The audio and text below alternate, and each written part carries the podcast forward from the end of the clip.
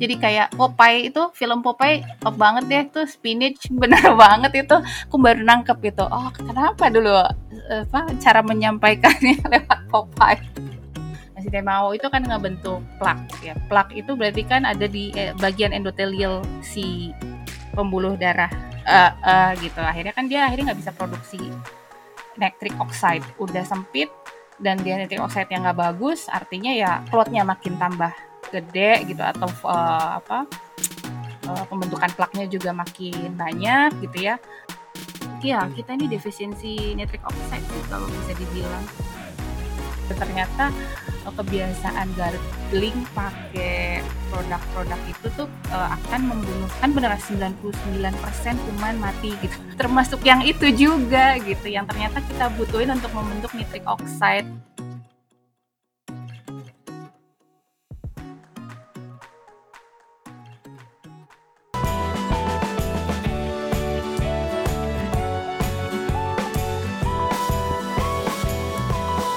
Hai, gue Willy Yonas. Selamat datang di podcast Sehat Seutuhnya. Yo, Dan. Dok, Hmm, Kalau dengar dari cerita dokter, kayak ibu yang tadi yang harusnya pasang ring akhirnya nggak jadi karena Hmm, melakukan lifestyle change juga.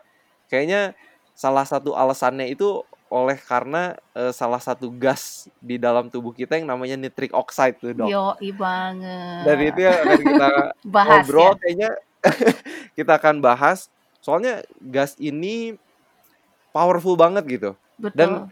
mungkin dokter bisa sharing dok, apa sih itu nitric oxide, dihasilkannya di mana, fungsinya apa tuh dok? Oke, eh, sebenarnya sih kalau kita apa di di udara itu kan ada ada nitrogen gitu ya, sama ada Hmm, oksigen juga dan banyak gas lain. Terus eh, sebenarnya kalau pas ada apa tuh namanya petir gitu jeder, ya, nah terjadilah reaksi antara nit apa nitrogen dan eh, oksigen itu menjadi nitric oxide di udara tuh umum gitu. Cuman kita nggak wow, aware nggak aware gitu ya. Dan ternyata itu eh, terjadi di apa di tubuh kita gitu. Dan Hmm, eh di mana gitu kan ya dia dia itu adalah satu gas gitu yang diproduksi di kalau ada pembuluh darah gitu ya dinding pembuluh darah kita tuh ada ada satu lapisan yang kita sebut endotelial nah dia itulah yang memproduksi eh, gas yang kita kenal dengan eh, saat ini ya dengan nitric hmm, oxide. Dan dia itu bisa mentransmisikan sinyal ya eh, di dalam organisme untuk eh, ke sel yang lain untuk melakukan sesuatu gitu yang yang hmm, dulu tuh kayaknya konsep gas itu kayaknya nggak ada dalam komunikasi apa ya eh, antar sel gitu ya biasanya hmm. kan chemical atau eh, apa ini gas gitu Ini gas gitu Eh, ya. eh, jadi kayak barang aneh gitu dan Dan eh, eh, itu itu fungsinya apa tuh dok? Selain mengkomunikasikan em, oke kenapa kenapa gas ini tuh kayaknya penting, super penting gitu. Mm-mm.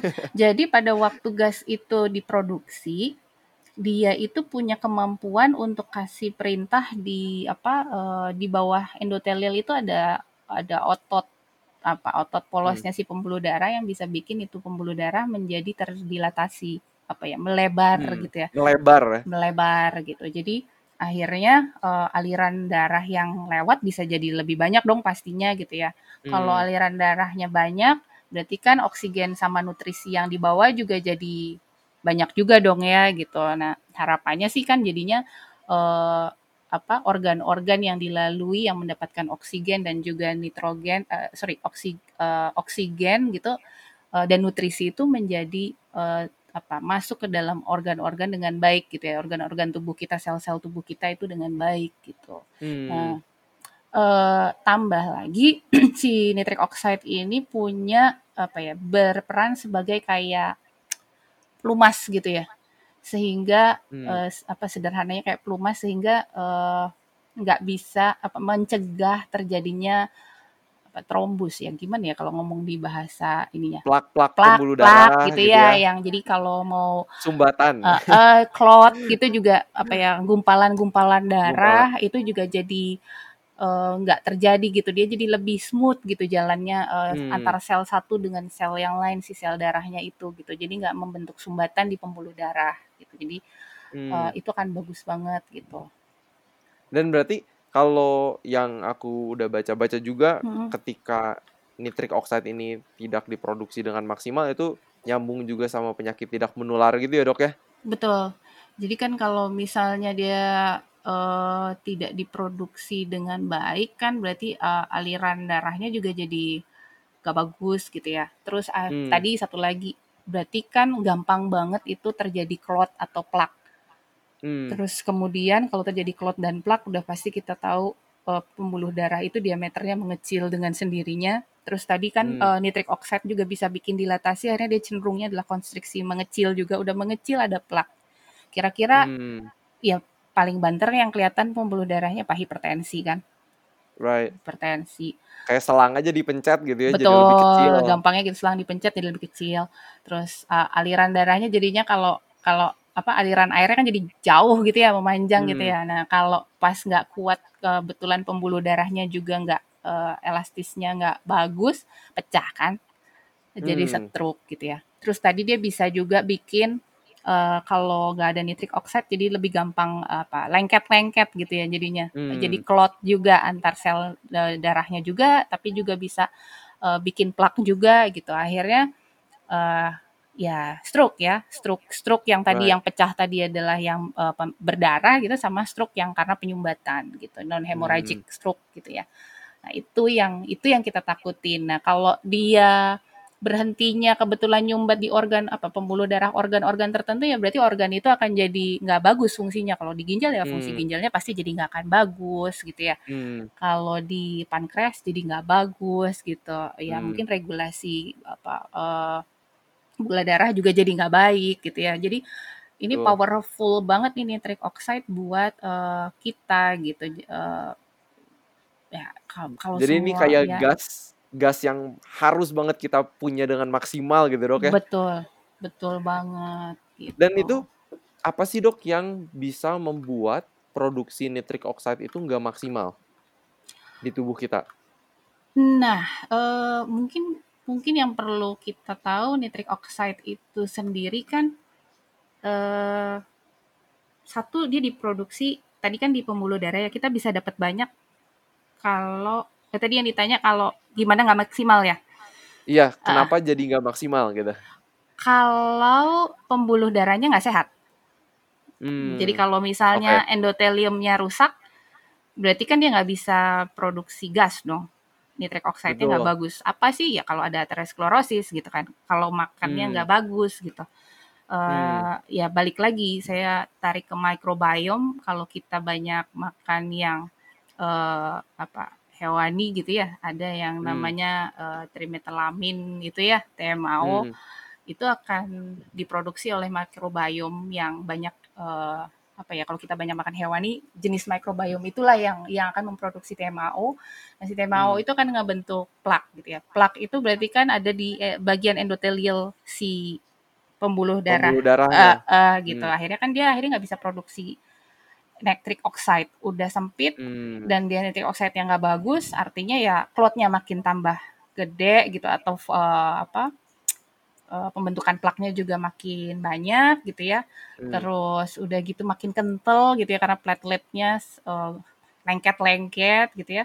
Hmm. Tambah pembuluh darahnya juga nggak bisa dilatasi kan, Right. ngecil balik lagi gitu jadinya kan eh, apa ke tadi yang jantung, hipertensi ya gitulah CAD Hmm. dan lain-lain itu gitu. Ke Nah, penyakit-penyakit yang ngebunuh orang di dunia paling banyak ya. betul. Dan itu juga karena source kita kurang akan eh, asupan nitrat ya, Hmm. nitrat. Jadi Nitrat itu bisa didapetin di mana tuh dok?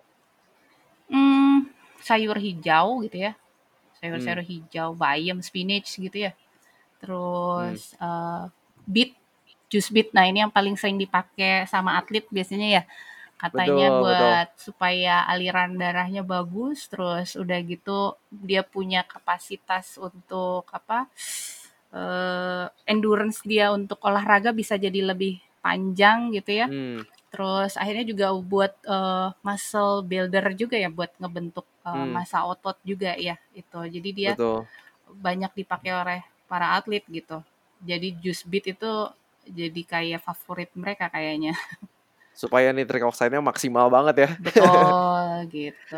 Dan kalau tadi yang aku nangkep kan berarti makanan itu kita banyak makan hewani karena TMAO itu bisa Mhm. merusak dinding-dinding pembuluh darah sampai akhirnya nitric oxide nggak maksimal. Betul. Eh, jadi ini buat teman-teman cobain perbanyak makan sayur buahnya. Mungkin belum jadi plant based Betul. 100% tapi perbanyak dulu ya, Dok ya. Betul betul.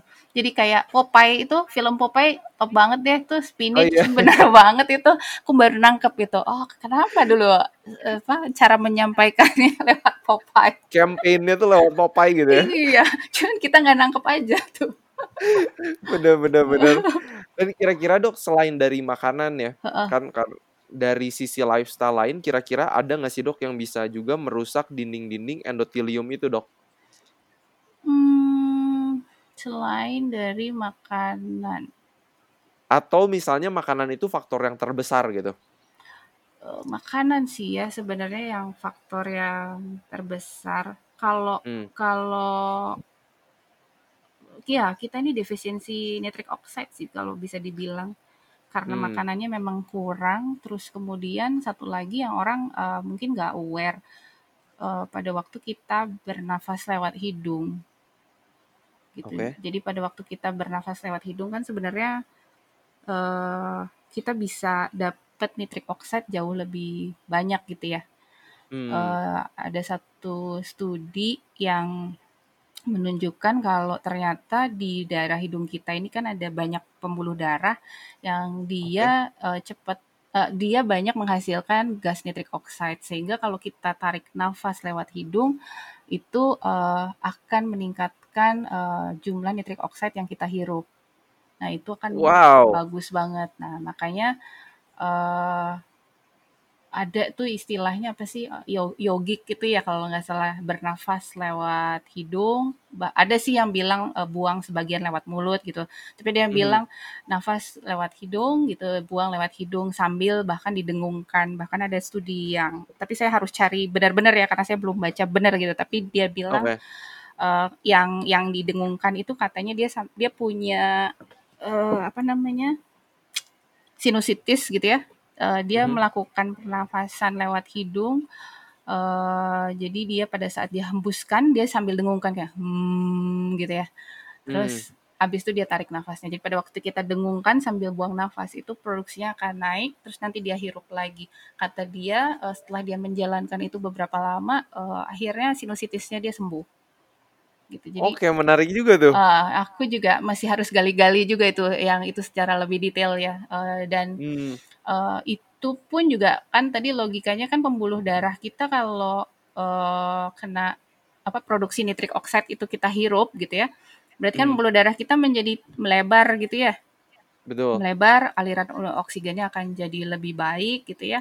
Terus, eee, trombus-trombus itu juga jadi, eee, apa, tidak terbentuk harapannya gitu ya. Mmm. Terus, eee, pembuluh apa sorry, eee, trakea, bronkus juga kalau di itu jadi melebar kan, jadi melebar, oksigen jadi jauh lebih banyak. Nah, ini, eee, bagus banget tuh kalau apalagi lagi masa pandemi Covid gini ya. Mmm. Yang diserang target organnya kan adalah, eee, saluran pernafasan ya. Nah, itu Betul. ada bagusnya tuh kalau kita coba membiasakan bernafas lewat hidung. Oh, Mmm. satu lagi, tadi kan, eee, dirimu tadi nanya ya, apa sih yang bikin nitric oxide jadi nggak bagus produksinya? Iya. Ya. Nitrat itu untuk bisa jadi nitric oxide ke dalam tubuh kita perlu bantuan bakteri di lidah. Iya. Bener bener bener. Nah, kalau kita gargling pakai apa tuh namanya, ya itulah nggak usah sebut brand gitu ya, apa pun Iya itu iya. gitu ya, produk untuk gargling Yang menyegarkan mulut yang gitu ya. menyegarkan mulut. Nah, itu ternyata, eee, akhirnya nitric oxide-nya jadi nggak bisa terbentuk. Mmm. Nah, ya karena bakterinya rusak kan. Nah, itu yang mungkin, eee, kita nggak pernah aware dan aku juga baru aware gitu. Aku pikir hanya dengan makan Mmm. sayur banyak gitu, ternyata, eee, kebiasaan gargling pakai, eee, produk-produk itu tuh uh, akan membunuh kan benar 99% kuman mati gitu. Termasuk betul, yang betul, itu, itu gitu kan. Bagus sih, tapi termasuk yang itu juga gitu yang ternyata kita butuhin untuk membentuk nitric oxide gitu. Jadi nitrat itu pakai si siapa ketemu sama si bakteri itu dia berubah menjadi nitrit gitu ya. Uh, begitu Hmm. dia nanti masuk di asam lambung, nah dia bereaksi akhirnya menjadi nitric oxide yang akhirnya ya disebarkan ke seluruh tubuh kita lah kurang lebih gitu gampangnya. Oke. Jadi sebenarnya nih buat para pendengar podcast kalian sikat gigi aja udah cukup ya, nggak usah pakai Iya, produk-produk penyegar lagi karena bakteri di lidah ya dok ya iya betul. ikut dibunuh Yang dan itu nggak bisa merubah nitrat jadi nitric oxide pada Mm-mm. akhirnya. Jadi butuh Jadi waktu lagi kan bentuk betul, microbiomnya. betul, betul. Dan ini menarik sih dok. Eh, aku juga setuju banget sama dokter bahwa makanan itu perannya besar banget Mm-mm. untuk eh, endotelial apa fungsi endotelialnya itu masih berjalan dengan baik Mm-mm. karena kayak penelitian dari dokter dokter Esselstyn Mm-mm. dia kan hanya menggunakan plant based diet gitu kan Betul whole dia food kan. plant based Oh, diet dan pembuluh darahnya ada yang emang sudah terbuka lagi gitu kan Iya dia di dan challenge kan kalau nggak salah awal-awal itu nggak pakai keren operasi tapi bisa menyembuhkan pasien-pasien eh, jantung ya. keren keren banget Keren. nah kalau di sisi kayak penelitian dokter Dean Ornish kalau dia kan lebih eh, the whole lifestyle kan Iya ada betul. makanan ada olahraga ada stress Mm-mm, management jadi menarik menarik banget sih emang karena masih sering kayaknya pemikiran di di mana-mana sih ya bukan di Indonesia aja kayak ya udah saya makan mah apa aja yang penting saya olahraga gitu kan. Nah dan ya nggak bisa harus harus semua balance semuanya. bener bener. Dan dokter pernah nggak sih menemukan kasus kayak orang yang rajin banget olahraga tapi makannya ya segala dimakan em, dan masih punya penyempitan pembuluh darah gitu? Pernah nggak tuh dok? Eh, ada aja sih gitu. Yang gitu sih ada ya rajin olahraga justru biasanya malah yang kadang-kadang kita sering tuh lagi olahraga toto serangan jantung bukan. Hmm, Nah, yang gitu-gitu kan banyak. Padahal betul usianya betul masih muda itu banyak dan aku nggak bisa menjelaskan pada waktu itu. Kok hmm bisa ya gitu. Padahal dia olahraga loh, kayaknya dia emang makannya udah olahraga gitu dijaga loh gitu. Waktu itu belum punya ilmu ini gitu. Jadi masih harus ngelmu dulu gitu kan ya? Jadi bingung bener gitu waktu itu. Kok gitu ya gitu. Sekarang aku udah oh itu penyebabnya. Jadi mm, ya nggak bisa bangga ya kalau kita cuma olahraga doang gitu. Eh, Hmm, dan eh, oke aku udah makan sehat. Makan sehatmu seperti apa? Eh, betul sekarang sih yang harus paling didefinisikan gitu ya betul gitu. Soalnya saya seberapa kali tanya makan saya banyak dok.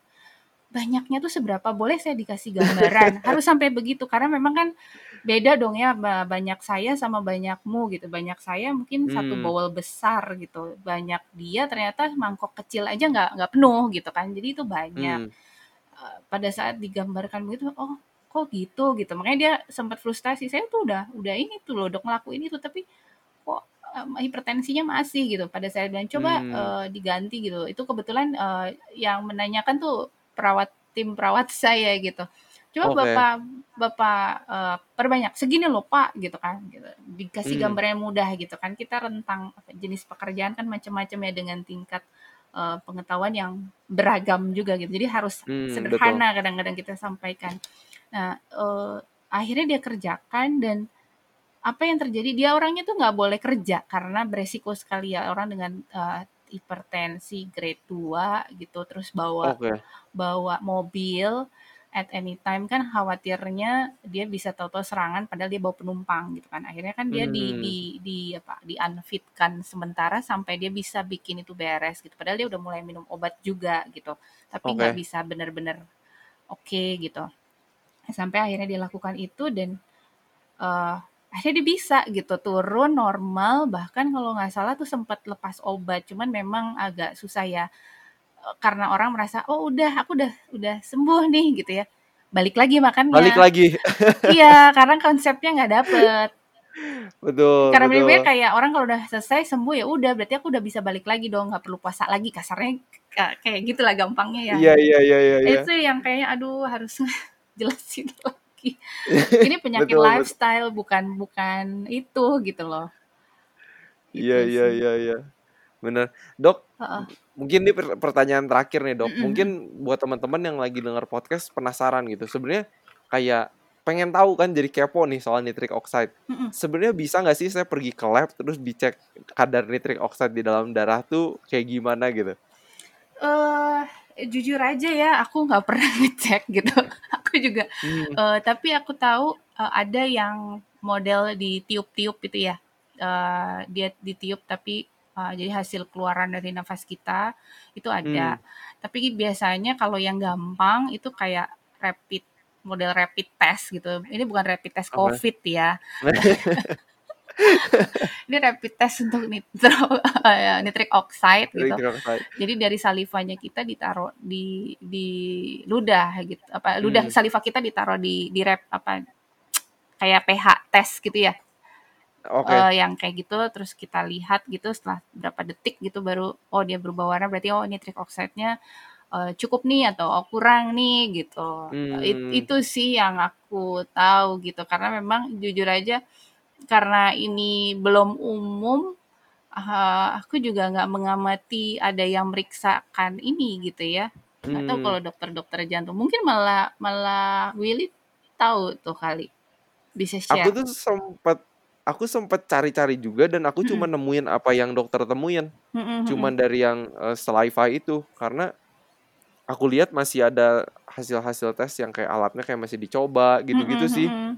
Jadi, eee, emang ini kayak belum juga kayak tes umum gitu kan dokter, eh, orang ke dokter kayak, "Dok saya pengen dong tes nitric oxide," gitu kan. Tapi apa kalau gitu ya? misalnya kalau misalnya ke dokter, "Dok mau cek gula darah, kolesterol," gitu kan, "oh Heeh. normal," gitu kan.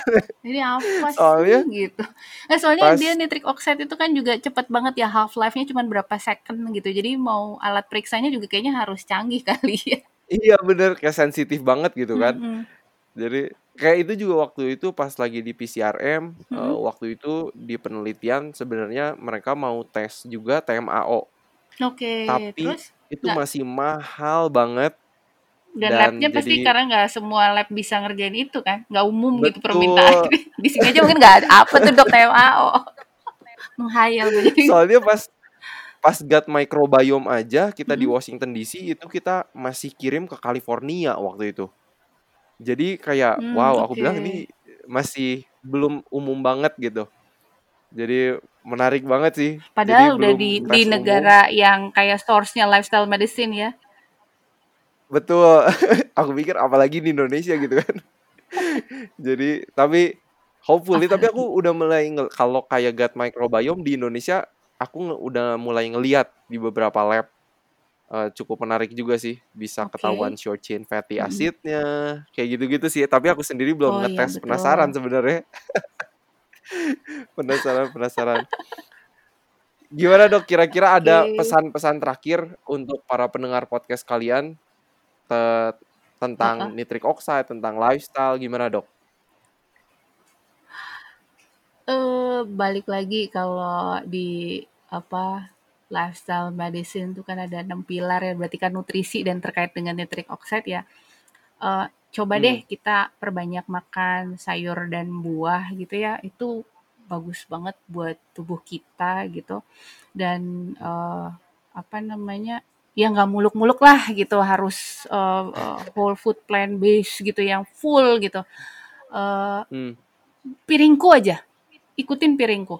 Mmm. Yang punya pemerintah itu yang ada di Germas tuh, itu kan majority-nya Right. kan mayoritasnya semuanya adalah udah sayur mayur gitu ya, buah Mmm. plus okelah lauk pauk, eee, hewani misalnya masih masih mau, itu mungkin karena kita terbiasa nggak terlalu bagus dengan di dilakukan itu saja itu udah cukup cukup baik Mmm. gitu ya. Terus, eee, leafy green ya, sayur-sayur berdaun hijau, terus Mmm. beet, di Indonesia beet, apalagi ka kayaknya Willy kalau di Bandung mah banyak ya gitu. Kalau di Banyak. sini itu barang barang susah itu kalau di Balikpapan. Wow.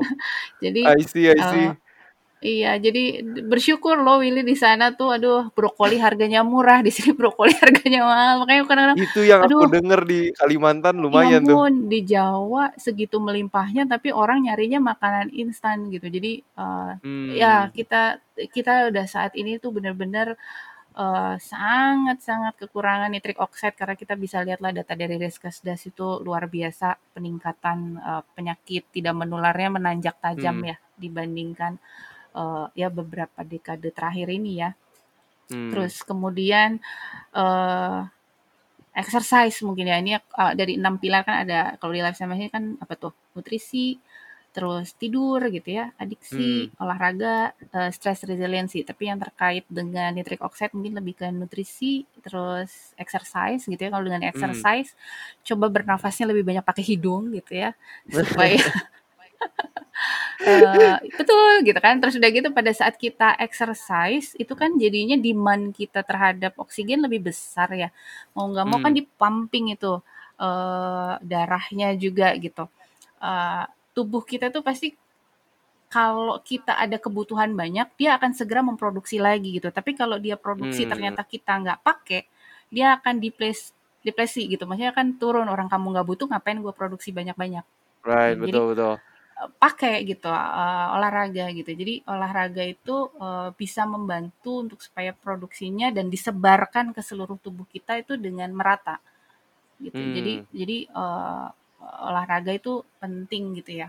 Terus em, tadi tuh yang terutama untuk nitrat eh, apa satu lagi yang nggak pakai gargle ya. Kalaupun mau pakai Oke. Mungkin frekuensinya di di dijarang-jarangin lah ya. Saya juga nggak tahu Hmm. harus eh, seberapa jarang gitu karena nggak belum pernah lihat studinya gitu. Tapi eh, Oke. studi bahwa gargling itu menyebabkan bakteri yang bantu kita membentuk nitric oxide itu jadi hilang gitu. Itu ada gitu. Jadi ya tolong eh, mungkin kita sikat gigi aja gitu ya sesekali lah Hmm. gitu. Oke gitu. Betul betul betul. Wah, ini Mhm. ini nih eh, teman-teman tips dari Dokter Rani untuk memiliki nitric oxide yang maksimal. Perbanyak makan makanan nabati, kurangin mulai kurangin yang hewani, terus olahraga dan juga hati-hati dengan cairan-cairan eh, penyegar mulut. Ya, Dok ya? Iya. Oh, satu lagi aku lupa tadi. Apa lagi tuh, Dok? Sunlight. Sunlight. Oke, sinar matahari. Gimana tuh, Dok? Ya. Mau tahu mau tahu aja atau mau tahu banget? Mau tahu? Ada hubungannya sama nitric oxide nih? Iya, jadi ternyata kalau pada saat kita berjemur, orang berpikir kan yang vitamin D-nya itu ya. Betul. Ternyata nitric oxide yang diproduksi pada waktu kita berjemur itu meningkat sehingga pembuluh darahnya eh, melebar.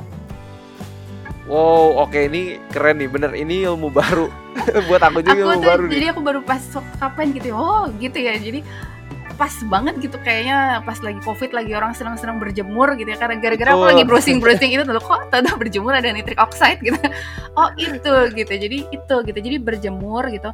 Yang terbaik adalah pada eh, saat mata bayangan kita itu lebih panjang. Jadi Oke, pagi ya. guideline-nya ya. Mm-mm, susah aku ngomong jamnya ntar tiap eh, beda-beda nih kan Wip, Wita gitu ya Bener bener. eh, negara mana gitu. Pokoknya patokannya adalah pada saat matahari itu membuat bayangan kita panjang gitu. Kalau makin pendek kan berarti makin siang ya. Jadi ya pagi-pagi lah mungkin jam Hmm, 8, 9, 10 kali ya. 15 menit Betul, cukup. betul. Kelamaan nanti gosong. nanti bener-bener nggak mau dapat sunburn juga ya. Ayo, i, abis itu cancer kulit lagi. Ntar kan. Bener-bener bener. Jadi ini teman-teman jangan lupa jemuran sinar matahari. Kalau pagi-pagi bisa olahraga di bawah sinar matahari sebelum kerja terbaik banget deh. Hmm. Soalnya itu yang biasa aku lakuin. Eh, mantap. Asik banget. Terima kasih banyak Dokter Ani sudah berbagi di Sama-sama. podcast satunya. Iya. Jangan nanti pasti diundang lagi Oke. karena senang banget ketemu dokter yang punya di- jadi diplomat dari International Board of Lifestyle Medicine, Ah. dari dokter yang mempraktekkan uh, lifestyle medicine sendiri buat diri sendiri. Keren banget. Jadi harapan saya seperti biasa buat teman-teman, semoga kita sehat seutuhnya.